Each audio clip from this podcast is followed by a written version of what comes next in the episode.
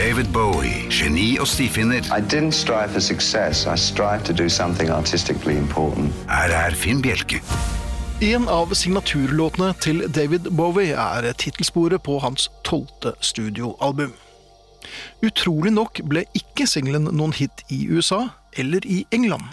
Men i Europa fant Bowie et publikum for Heroes.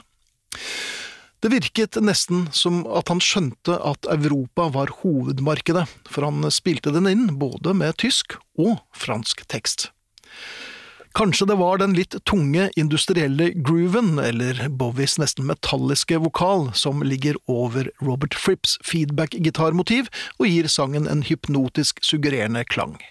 Uansett, denne hyllesten til, og trøsten for alle verdens raringer, kløner og tapere, traff en nerve i Europa, og år senere gikk det opp for resten av verden også.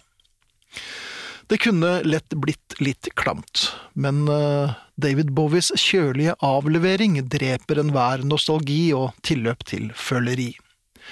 Utgangspunktet for teksten er et kjærestepar David Bowie observerte fra vinduet i Hansa Studios i Berlin. Det er muligens produsent Tony Visconti og en flamme, men det er ikke viktig. Den golde settingen med Berlinmuren som bakgrunn satte i gang en prosess hos Bowie.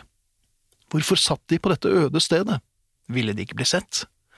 Og her ligger en del av mystikken og fascinasjonen vi fremdeles har for denne bautaen i David Bowies diskografi.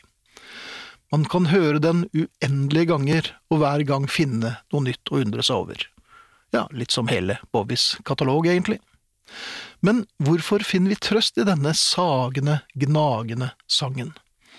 Er det det håpefulle i linjen Oh, we can be heroes just for one day, som får oss til å ty til Bowie når det røyner på. Eller den like viktige linjen We can be us just for one day.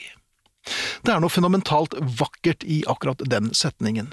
En linje som muligens kan virke banal og klisjéaktig hvis den hadde kommet fra andre, men nok en gang er David Bowie på den riktige siden av muren i dette tilfellet. Jeg tror at Heroes bare vil vokse seg større med årene som går, og den indre roen som senker seg når det blytunge kompet og den hylende gitaren i introen bærer bud om at hjelpen er på vei som en tidløs musikalsk katarsis.